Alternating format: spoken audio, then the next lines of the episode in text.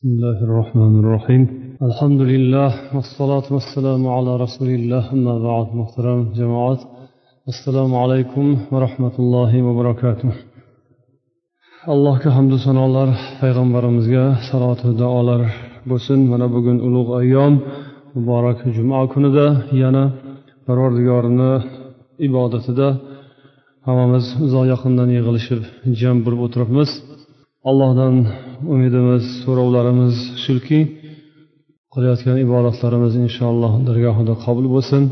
Xato kamchiliklarimizni alloh taolo kechirsin deb shu niyatimizga yarasha amal qilamiz. Muhtaram jamoat yana saflaringizni bir u yoq bu yoqqa yon veringlarga qarab olinglar sal tekislab olinglar. Orqa tomonda o'tirgan ayollarimiz opalarimizga mana bu imoratni orqasida kichkina ko'chadan joy qilib qo'yganmiz. Ikki tomonni parda bilan to'sib erkaklarni ko'zi tushmaydigan alohida joy ajratib qo'yilgan. Shuning uchun sig'mayotgan opalarimiz onaxonlar singillar bo'lsalar bemalol o'sha orqa tomonda o'tirishlari mumkin. Muhtaram birodarlar hurmatli jamoat ma'lumlaringizki biz?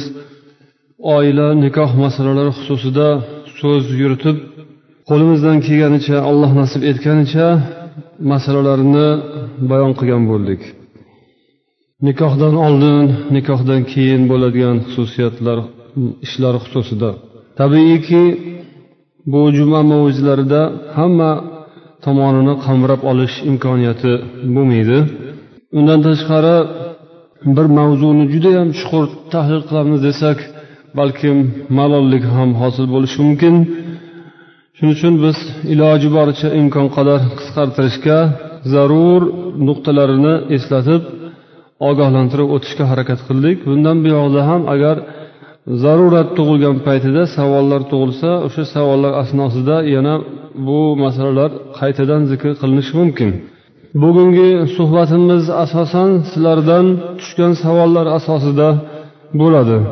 Mana shu o'tgan jumalarda aytilgan masalalar qilingan suhbatlar yuzasidan berilgan savollar asosida inshaalloh bugun bu darsimizni suhbatimizni o'tkazamiz. Inson bo'lgandan keyin hamma inson xato kamchilikdan xoli emas jumladan kuyov ham kelin ham qaynotayu qaynona quda degan nomga ega bo'lganlar ham albatta qandaydir bir xato kamchilikdan xoli bo'lishni umuman imkoniyati yo'q bu olam dunyo. Shunday tuzilgan yaratilgan hazrati odam otamizdan tortib xato kamchilik siz bilan bizdan sodir bo'lib turishi bu tabiiy. Faqatgina mana shu xatolarimiz kamchiliklarimiz sodir bo'lgan paytida insof bilan bosiqliq bilan bu narsalarga to'g'ri munosabat bilan yondashsak murosa madora yo'lini bilsak bizning ko'zimizga xato qilib bizning ko'zimizga yomon ko'rinayotgan odam ni oldida turganimizda shu xatosiz inson bo'lmasligini eslasak o'zimizda ham xato sodir bo'lishi aniqligini balkim o'sha ro'baramizda turib xato qilgan odamning xatosiga balkim siz bilan biz sababchi bo'lgandirmiz? Bizni oldinda yo'l qo'ygan bir kichkina xatomiz tufayli uning xatosi katta yomon xunuk xatoga aylangandir. Shu narsalarni mulohaza qilish har bir insofli odamni vazifasi bo'ladi. Qo'limizda yozilgan xatlarni savollarni tabiati umuman shu oila nikoh masalalari yuzasidan bo'lsada lokin birida qaynota qaynona kelinidan shikoyat qiladi. Yana biri kuyov ko'ngillaganday chiqmaganini yozishadi. Yana birida esa qaynonalaridan shikoyat qilishadi kelinlar yoki kuyov quda u quda tomonni qoralab ko'nglimdagiday bo'lmadi ko'zim ochib ko'rganim butun chiqmadi. Xullas kalom dunyodan shunday bir chalkamchatta bo'lib o'tib ketyapmiz. O'g'lim ham dunyoga kelib ko'zi ochiq holda kelib ochiq holda ketyapti. U ko'ngli to'lmadi mani ko'zim to'lmadi ko'nglim to'lmadi. Xullas mana shunday dunyo hamma bir biridan xafa. Go'yoki bir biridan o'pkalagandek ko'rinadi. Ammo xudoga shukurki o'rtada musulmonlik bor iymon bor o'rtada qiyomatga bo'lgan jannat va do'zaxga bo'lgan e'tiqod borki ana shu e'tiqod bilangina bu narsalarni bir ma'lum darajada tartibga solishimiz biroz bo'lsa ham osoyishtalikni ta'minlashimiz o'sha ko'ngli to'lmaganni ko'nglini to'lg'azishimiz mumkin mana shu iymon islom bo'lsa agar. Birdan bir davomiz choramiz umidimiz shu islomdan musulmonlikdan. Aksincha bo'ladigan bo'lsa dunyoda hayot kechirish yashash qiyin bo'lib qoladi. Shu o'rinda hazrati umar roziyallohu anhu zamonlaridan rivoyat qilingan bir hikoyani eslab o'tishimiz mumkin. O'sha vaqtda ibn abi udra degan bir kishi haqida odamlar o'rtasida ayollar o'rtasida gap tarqalgan ekan. Bu odam judayam bir badqovoq odam juda ham bir qo'pol odam ayollarga shafqatsiz zolim odam. Mana shunga o'xshagan gaplar tarqalib ketgandan keyin xotinlar buni yomon ko'radi.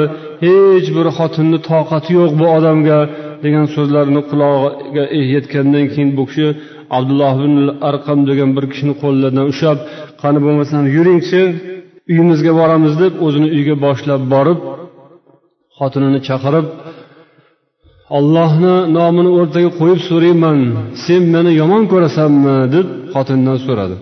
Keyin xotini aytdiki ollohni nomini o'rtaga qo'ymagin iltimos dedi. Yo'q ollohni nomi bilan so'rayman mani yomon ko'rasanmi? degandan keyin ha yomon ko'raman dedi xotini. Mana eshitdingizmi buni gapini deb keyin u kishini qo'llaridan ushlab hazrati umarni oldilariga olib borgan ekan. Hazrati umarga shikoyat qilib mana shundoq gaplar ular mani shunaqa yomon ko'rishar ekan bu ham yetmaganday o'rtada gap tarqatishar ekan deb shikoyat qilgandan so'ng hazrati umar o'sha xotinni chaqirtirgan ekanlar. Chaqirib kelganlaridan keyin so'rabdilar san shunaqa dedingmi? Eringga yuziga qarab man sizni yomon ko'raman dedingmi? deb so'radilar. U xotin ha shunaqa dedim. Yo amirul mo'minin bu ollohni nomini o'rtaga qo'ydi. Man aytdim unga ollohni nomini o'rtaga qo'ymagin desam ham bu olloh nomini o'rtaga qo'ygandan keyin man qanday qilib yolg'on gapira olayman? Erimga ollohni nomini zikr qilib tursa yolg'on aytib bo'ladimi? Yolg'on gapirolmadim qo'rqdim. Shuning uchun borini rostini aytdim qo'ydimda. Degandan keyin yolg'on gapira olaymanmi? Gapirsa bo'ladimi? Deb savol tarzida so'zni tugatganda hazrati umar aytgan ekanlarki ha yolg'on gapirishing kerak edi o'sha yerda. Yolg'on gapirishing kerak.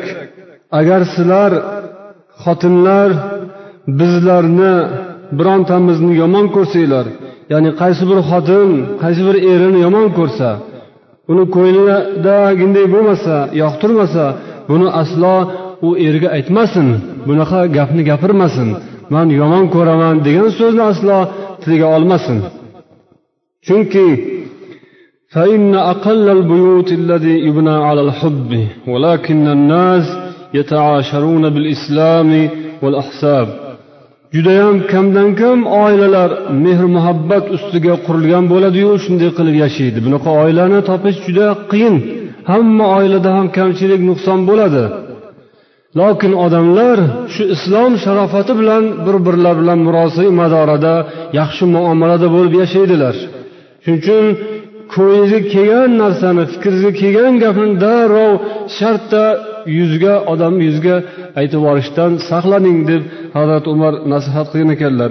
Mana shunday holatlarida erkak bilan ayol o'rtasidagi er xotinchilik o'rtalaridagi holatlarida o'sha oilani saqlab qolish uchun murosa madorani o'rtada saqlab turish uchun yolg'on gapirsa bo'ladi deydilar. Hatto bu gaplarni eshitgansizlar yolg'on gapirish mumkin emas illo uchta o'rinda yolg'on gapiriladi. Ya'ni ikkita odamni o'rtasini isloh qilish uchun urushda dushman bilan ro'baro bo'lganda iymon islomga zarar kelib qoladigan o'rinda yolg'on gapiriladi. Yolg'on gapirib rost gapirib islomga musulmonlarga zarar yetkazish emas balkim yolg'on gapirib musulmonlikni islomni saqlash dinni saqlash uchun yolg'on gapiriladi va ikkita e, er xotinning o'rtasini isloh qilish uchun yolg'on gapiriladi.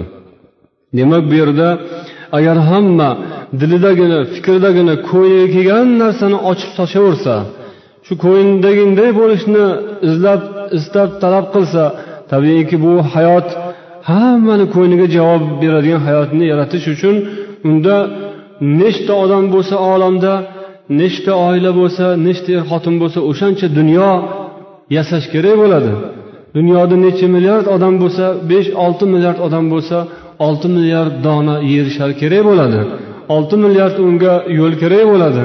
Tabiiyki bunaqangi xohish bilan shaytoniy fikrlar bilan ko'ngilni mayliga qarab insonni hayoti tuzalmaydi. O'sha hazrat umar aytganlaridek hayot odamlar bir birlariga shu islom sharofati bilan ko'nikadilar. Musulmonlik iymon e'tiqod oxiratga bo'lgan ishonch bu odamni bir biriga ko'niktiradi murosa madorat yo'llarini o'rgatadi. Shu tufayli mana shu sabab bo'lib keyin hayot bir maromda o'tishi davom etishi mumkin. Opalarimizdan birlari yozibdilarki sizning oila to'g'risidagi ma'ruzalaringizni eshitib kelyapmiz. Buning uchun sizga rahmat. Ayniqsa yangi oila quruvchi yoshlar uchun juda zarur. Bir, bir amakimizni xatlari ekan kechirasiz. Uyimizga kelin kelganidan so'ng ba'zi narsalar pullar yo'qola boshladi. O'g'limiz ham nazarimda xotinini nazorat qila olmadi jilovini bo'sh qo'ydi. Natijada ularning ro'zg'orini bo'lak qilib ikki xonali uy olib berdik. Afsuski kelinimiz haqiqatan ham o'g'ri bo'lib chiqdi. U qo'ni qo'shnilarni narsalarini o'g'irlay boshladi. Qo'shnisinikida to'y bo'lgan paytida kelinni e, seplarini taxlash bahonasida to'yga aralashib kelinni zeb ziynatlarini ko'ylak va boshqa qimmatbaho narsalarni o'g'irlab chiqqan. Shunday qilib u o'g'irligi ma'lum bo'lib oxiri tanam tan ham olib olgan pullarini ota onasi yarimsini otasi berib mana shunday qilib hozirda endi ikkita farzand bilan uyga qochib ketgan. Man esa shu kelin bilan o'g'limizni turmushini davom ettirishni hech ham xohlamayman. Olib kelishga qarshi qat'iy qarshiman. Oldiniga ko'p nasihatlar qildik hammasini ham yig'ib nasihat qildik tanbeh berdik lokin bo'lmadi. Lokin o'rtada ikkita farzand bor. Hozir nima qilishga hayronmiz. Shunday boshimizga shunaqa azobi uqubatli kun shunday o'tyapmiz. Milisaga murojaat qilib u kelinni qamalishini ham xohlamaymiz. Nima qilishga hayronmiz deb yozibdilar. Shunaqangi voqealar albatta hayotda ko'p. Islomda ta'lim tarbiya nasihat bilan bir qatorda jazo tanbeh ta'zir ham barobar yuradi. Shu bu hayotni tartibi islomni ham tartibi shunaqa. Hammasi shirin gap nasihatu yelkasiga qoqib boshiga silash bilan ish bitavermaydi oldin nasihat qilinadi chiroyli gapiriladi boshqa lokin shularga quloq solmaydigan bo'lsa uni lekin jazo boshqa ta'zir chorasini ham ko'riladi. Chamamda mana shu holatda ham o'shanday bir jazo yoki ta'zir chorasini qo'llashga to'g'ri keladi. Nasihat qilingan bo'lsa takror takror unga tushuntirilgan bo'lsada lokin ta'sir qilmayotgan bo'lsa endi o'rtada ikkita bola borku deb yana u o'g'ri xotin bilan hayot davom etishi judayam qiyin bo'ladi. Bolani esa u o'g'ri xotinni qo'liga tarbiyada qoldirmaslik kerak. Farzand tarbiyasi bu islomda juda ham jiddiy masala.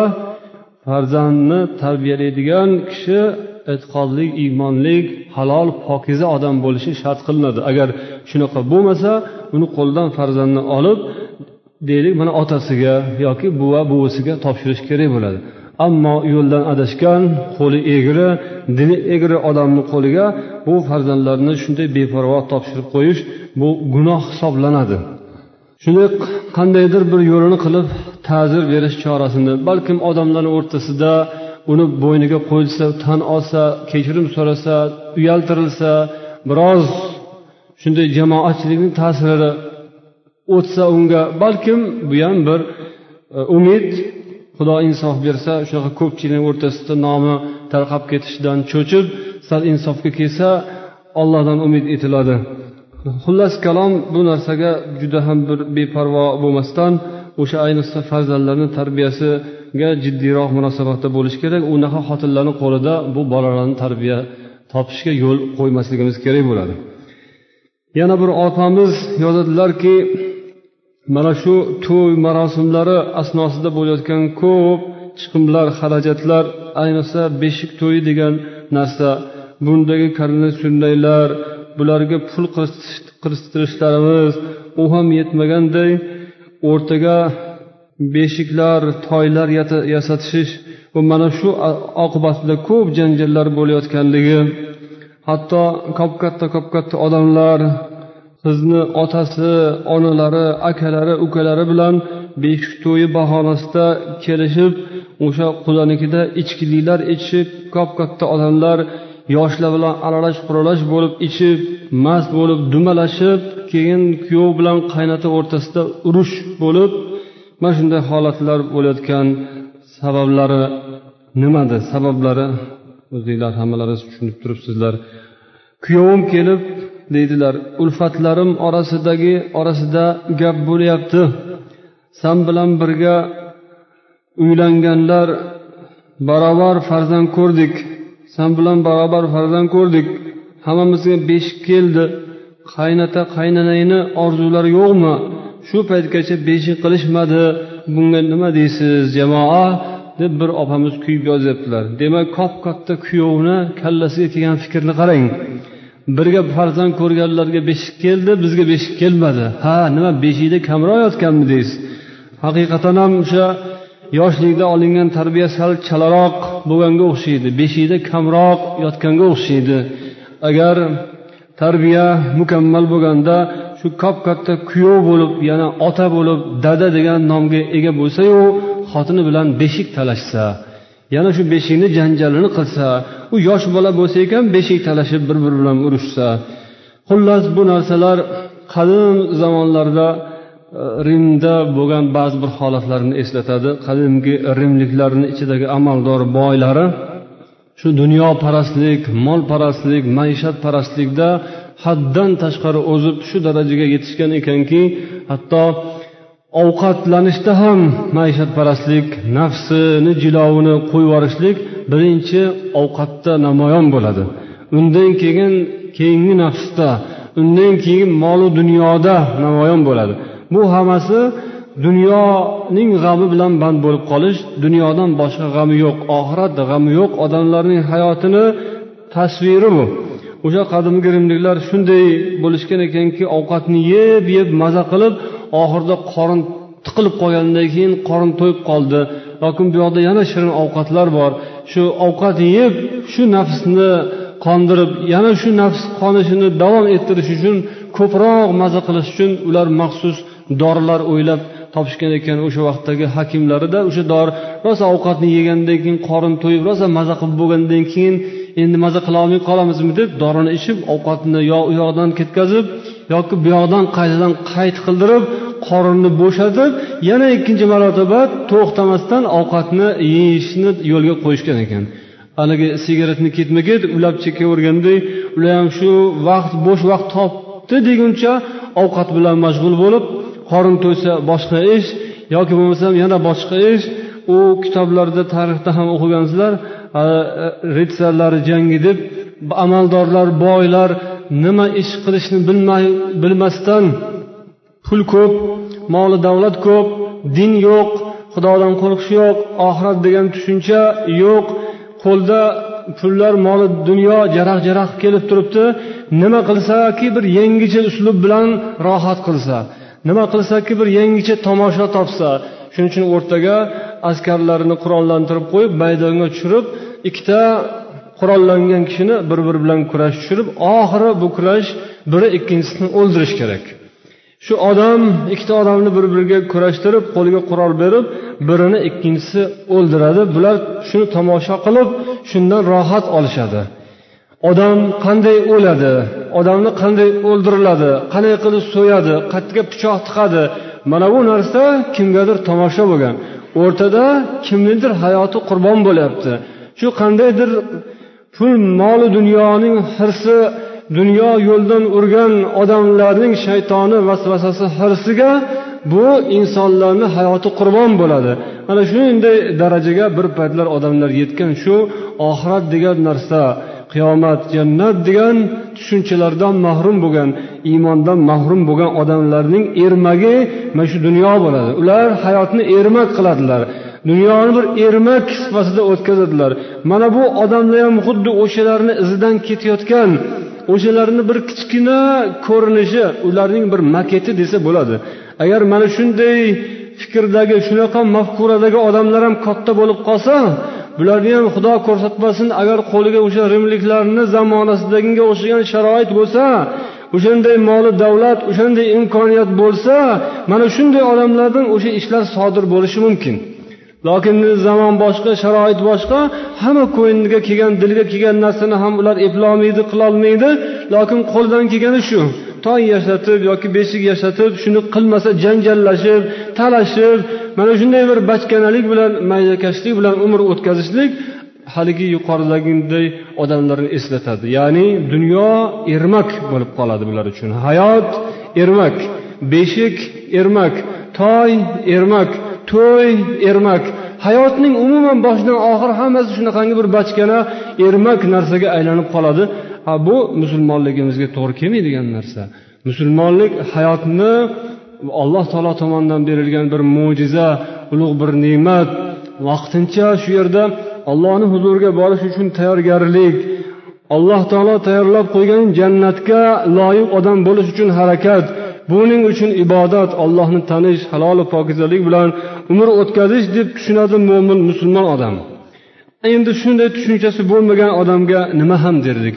Ularga alloh taolo insofu tavfiq bersinu ularni ham alloh taolo quloqlariga agar so'zlar yetsa nasihatlar yetsa aqllarini ishlatib hayotga bu ermak uchun emas o'ynash uchun emas balkim hayot o'tib borayotibdi tobora oxirat yaqinlashib kelayotibdi. Bu narsalarni ilohim hammamizni qalbimizga jo bo'lishini o'shanday kishilarga ham jo bo'lishini alloh taolodan so'rab qolamiz. Singlimiz bir singlimiz yozibdilar kelinga biron bir yumushni buyurishga kim haqli? Va umuman yosh kelin o'z umr yo'ldoshidan boshqa kimlarga quloq tutishi kerak? Bu mavzu ham muhim mavzu haqiqatdan. Kelin uyga kelgandan keyin darhaqiqat xo'jayinlari juda ko'p bo'ladi. Eng katta xo'jayin qaynona bo'ladi. Qaynota emas. Sizlardan so'rasam balkim eng katta xo'jayin kim desam o'ylamasdan qaynota yoki kuyov deysizlar kuyov eri deb olishlaringiz mumkin undoq emas. U qoida bo'yicha nikoh o'qilganda kuyov bo'lsada lokin uyga kelgandan keyin eng katta xo'jayin hokimi mutlaq qaynona bo'ladi. Bu amalda shunday hayotda shunday. Kuyovni gapi bir chetda qolib ketaveradi agar qaynonani gapiga to'g'ri kelmasa. Qaynonani xohishi istagi irodasining ichida bo'ladi uydagilarni boshqalarni xohishi irodasi ko'pincha shunga majbur qilinadi. Shunday hayotni tartibini tizimini oilada shunday qurib qo'yishadi. Lokin shu narsa bu narsa insofdan emas aslida. Bu adolatdan emas aslida. O'rtada hurmat bor ehtirom bor to'g'ri. Kattani hurmat qilish uning xizmatida bo'lish uni duosini olish uning roziligini olish bu lozim. Farzand uchun bu farz. Ammo baribir kim bo'lsa bo'lsin har kimda chegara bor har yerda me'yor bor. Payg'ambarda ham me'yor chegara borki payg'ambarga itoat qilinadi payg'ambarga ibodat qilinmaydi. Kim agar payg'ambarni yaxshi ko'raman deb haddan oshib payg'ambarga sig'insa u kofir bo'ladi. Nasroniylarga o'xshab nasorolar isoni yaxshi ko'ramiz deb deb yaxshi ko'ramiz ko'ramiz deb xudo darajasida ko'tardilar. Xudo ham deyarli esdan chiqib iso alayhissalomga sig'inishga o'tdilar. Bu kofirlik bo'ladi. Shunga o'xshagan ota onani ham qaynotayu qaynonani ham kelin kuyovni ham o'zini chegarasi bor haddi bor. Shu chegaradan chiqqandan keyin muvozanat buziladi gunoh sodir bo'ladi. Shirk sodir bo'lishi mumkin kufr sodir bo'lishi mumkin bundan ehtiyot bo'lish kerak.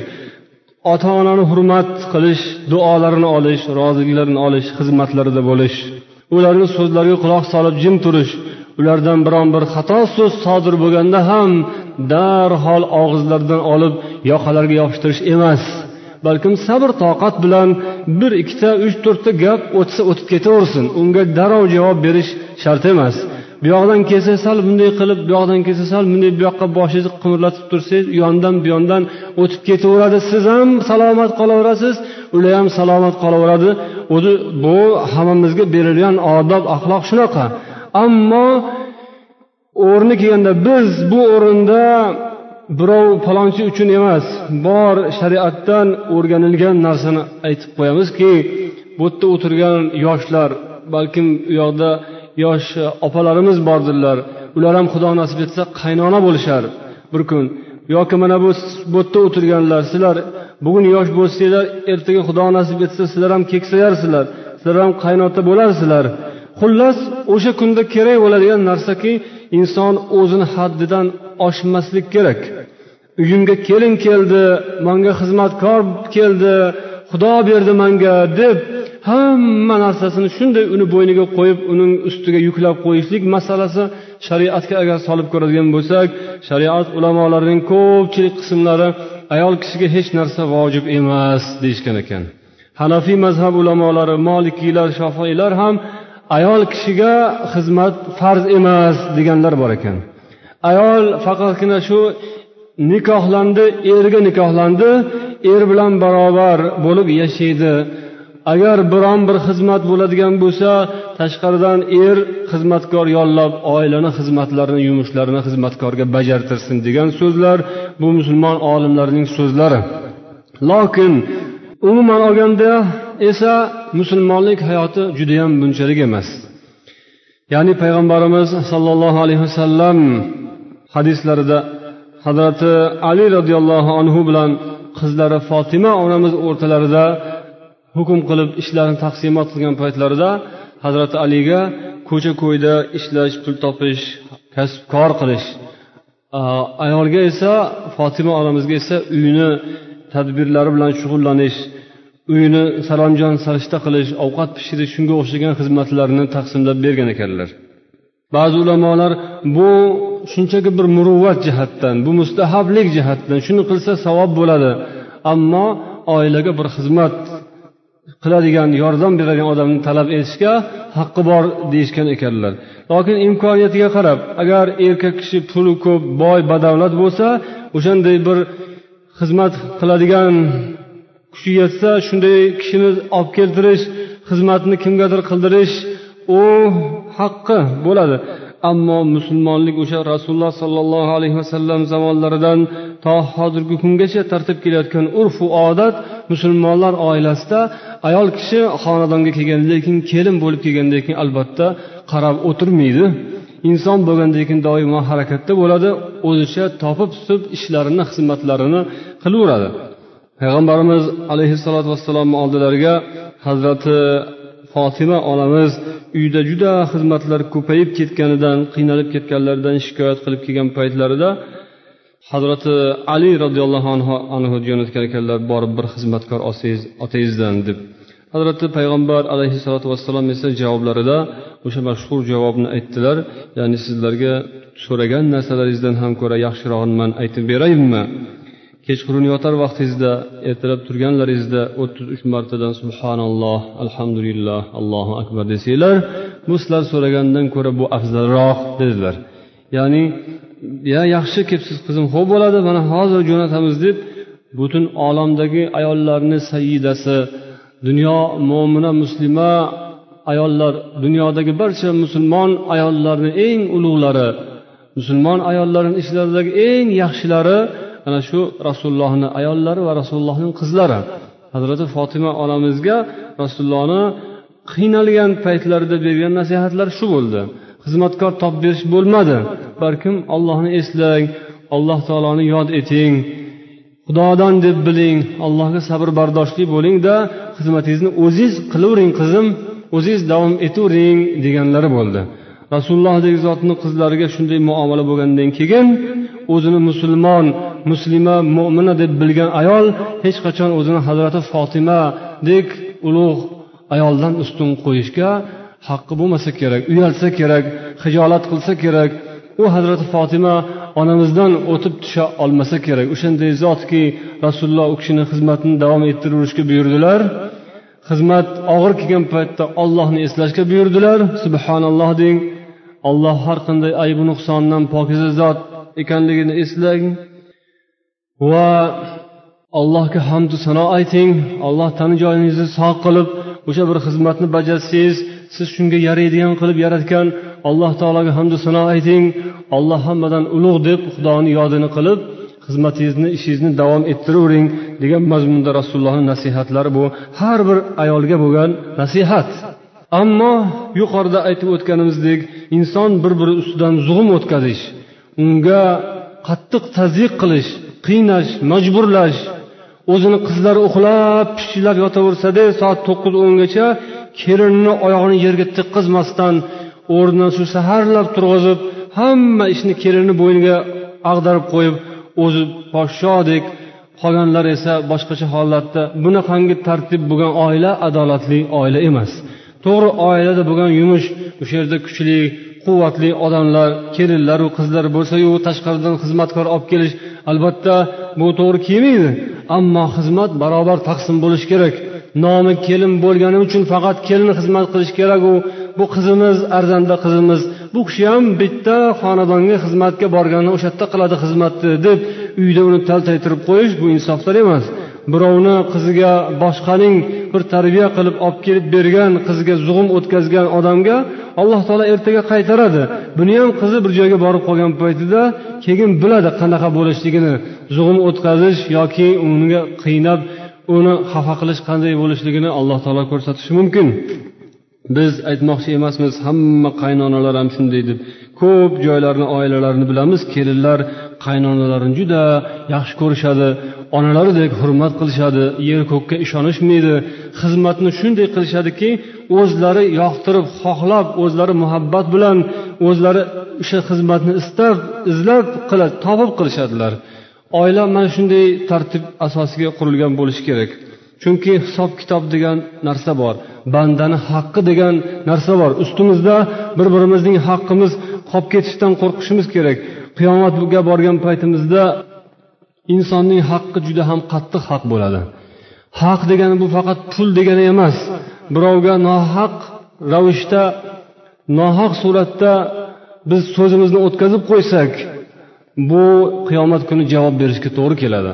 Qabrga borib yotgan paytimizda bu qilgan ishlarimiz uchun birovga o'tkazgan qattiq zug'umlar uchun javob berishga to'g'ri keladi. Buni o'ylagan odam allohdan qo'rqsa adolat bilan insof bilan muomala qilishga harakat qiladi.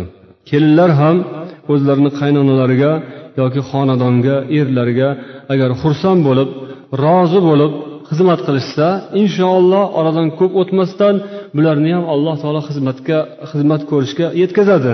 U ham xudo nasib etsa qaynona bo'ladi kelin oladi. Xudo xohlasa kelini unga ham yaxshi xizmat qiladi. Ammo qaynonasini hurmat qilmasdan u bilan bab barobar aytishib yoqa bo'g'ishib e sizlar hammalaringiz miyangiz aynab qolgan qari kampir chollar. Sizlar zamonni tushunmaysizlar. Biz o'qiganmiz diplomlarimiz bor. Biz uni ko'rgan buni ko'rgan ko'chani ko'rgan. Hayotda endi biz bilamiz bu yangi hayot. Sizlar u inqilobdan oldin dunyoga kelib qolgansizlarda shuning uchun ham sizlar tushunmaysizlar. degan agar fikrlar uni xayolidan o'tadigan bo'lsa shoshmay tursin yaqinda xudo xohlasa shu gapni o'zi ham eshitadi. Yaqinda dunyo bundan ham hali rivojlanib ketishi mumkin. Buni hozircha o'zini oliy ma'lumotliyu juda zamonaviyligi qoloqlikka aylanib qolishi mumkin. Hali dunyo bundan ham rivojlanishda davom etsa taraqqiyot bundan ham ko'ra kengayib ketsa ertaga unga kelin bo'lgan qizcha keladi deb bunga aql o'rgata boshlaydi e siz u bir qaloq zamonda yashagansizda tushunmay qolasiz. Xullas agar musulmonlik o'rtadan ko'tarilsa odamlar hech qachon bir biridan rozi bo'lishmaydi. Qaynonasiga yoki qaynotasiga agar erga o'zicha ko'proq xizmat qilib yubordim deb o'ylasa bu bekor ketmaydi. Xizmat alloh taolo uni mukofotini uning savobini inshaalloh qaytaradi. O'tgan safar suhbatlarimizda biz ayol kishini eri uydan erining ruxsatsiz uydan chiqmasligi haqida bir so'z aytuvdik. O'shanda ba'zi bir mulohazalar bo'lgan edi. Hozir shu narsani biroz kengaytirib o'tamiz. Haqiqatan ham erkak kishi ayolini uyda o'zi yashab turgan uyda saqlashga haqqi bor. Erdan ruxsatsiz ayol kishi ko'chaga tashqariga har xil ishlarga chiqaverishi joiz emas. Illo magar ruxsatsiz chiqsa bo'ladigani deydilar ota onasini ziyoratiga borib kelish. Shariatda eng oz muddat bir hafta ekan. Har haftada kelin yoki ayol kishi ota onasini borib ziyorat qilib kelish haqqi o'zida qoladi. U nikohlansa boshqa bo'lsa ham. Eri na eri na qaynota qaynonasi ayolni kelinni ota onasining ziyoratiga borib kelishdan to'sishga haqqi yo'q. Bir hafta deyilgani eng ozi. Lokin o'rtada urfu odat degan narsa bor. Urfu odat ya'ni bir ma'lum sharoitda ma'lum joyda ma'lum bir yurtda shaharda yashayotgan odamlarni urfu odati qanaqa? Masalan toshkentda yo farg'onada deylik yashayotganlar odatda kelin necha kunda uyga borib keladi? O'n besh kundadir yoki o'n kundadir qayerdadir o'sha odatga rioya qilish kerak bo'ladi. O'shandan man qilish taqiqlash ya'ni siz mana aytganimni qilmadingiz falon ishni qilib qo'ying desam falon ana mani o'g'illarimni qizlarimni kirni yuvmabsiz. Yoki bo'lmasam xamir qilmabsiz vaqtida. Shuning uchun bormaysiz endi bu safar. Yanagi oyga borasiz. Deyishdan oldin ozgina o'ylash kerak. Ya'ni bu haq huquqni unga olloh bergan islom bergan. Va keyin yana bir narsa kelin nikohlangan mahalda qaynonaga nikohlangan emas. Yoki qaynsingilga yoki qaynog'asiga nikohlangan emas. U kuyovga nikohlangan. Shuning uchun kuyov deganning haqqi. Uni boshqarish unga har xil yo'llarni ko'rsatish tasarrufi. Ammo yoshi ulug' ona ota baribir hurmatda. Biz ularni hurmat qilishimiz kerak. Har kim qaynota qaynonasini hurmat qilish kerak. Bu kelin tomonidan kuyov tomonidan farzandlar tomonidan bo'ladigan munosabat. Kattalar ham o'zlarini hadlarini eslaridan chiqarmasdan qabrga borish qiyomatga o'rnidan turish xudoni oldiga borib javob berishni kattalar ham o'ylashimiz kerak. Kichiklarga yoshlarga haddan tashqari zulm o'tkazish ularni ko'yniga tegib yuborish ularning haqqidan chegirib qolish xudoning oldida bizga qattiq azob bo'lishi mumkin olloh asrasin. Bundan qo'rqish kerak. Demak ayol kishi ota onasini ko'rib borib kelishga haqqi bor. Bu silay rahm deyiladi bu farz. Silay rahm degani yaqin qarindoshlar ota onani haqqini ado qilish bu silatur rahmga kiradi. Ayniqsa u kasal bo'lib qolsa ota onasi qaraydigan odam bo'lmasa borib o'sha ayol eridan hatto ruxsatsiz ham so'rab so'ramasdan ham borishga haqqi bor ekan. Agar majburlik zarurat bo'lsa borib ota onasini ziyorat qilib kelishi. Undan tashqari yana kelin. Iznsiz ruxsatsiz chiqishi mumkin bo'lgan narsa talabul ilm. Ilm olish uchun. Ilm olish bu ilmni ham o'zini yarasha me'yori bor. Farzi ayn bo'lgan darajadagi ilm olish.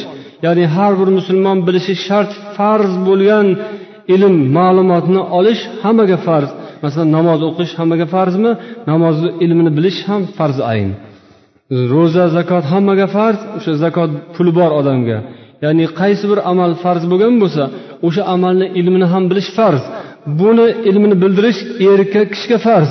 Eri o'rgatsin agar bilsa. Bilmasa biladigan odamga biladigan ustozga ro'bara qilish kerak. O'sha ilm zaruriy ilmni olish uchun. Ammo zaruriy ilmni olib bo'lgandan keyin farzi kifoya bo'lgan ilmlar bor. Masalan qur'onni tafsirlarini o'rganish hadisni to'la to'kis arabchadan kitoblardan o'qishni bilish yoki biron bir dunyoviy bilim institutda o'qish doktorlikkami boshqami unga bunga o'qish bular farzi kifoya. Din ilmining ham zaruridan tashqarisi tafsiru hadislarni chuqur o'rganish bu farzi kifoya. Bunaqangi qismlarni o'rganish uchun ketish faqat ruxsat bilan bo'ladi. Er ruxsat bersa boradi. Bo'lmasam yo'q. Ammo namoz ro'za hayzu nifosu tahorat shunga o'xshagan zarur bo'lgan ilmlarni olish uchun ruxsat bermasa ham chiqib o'rganib kelishga demak ayol kishini haqqi bor ekan.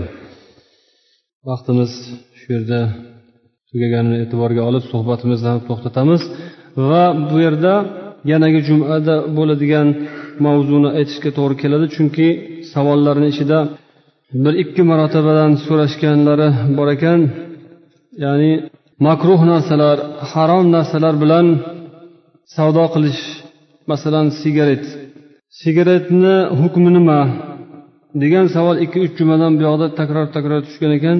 Shuni xudo xohlasa kelasi jumada inshaalloh alloh nasib etsa sigaretniga bo'lgan munosabatimizni uning hukmlari qur'ondan hadisdan shu bu yerda savolda talab qilinganiga yarasha. Ya'ni qur'ondan hadisdan oyatlardan hujjat keltirib bizga sigaret haqidagi fikringizni aytib bersangiz debdilar.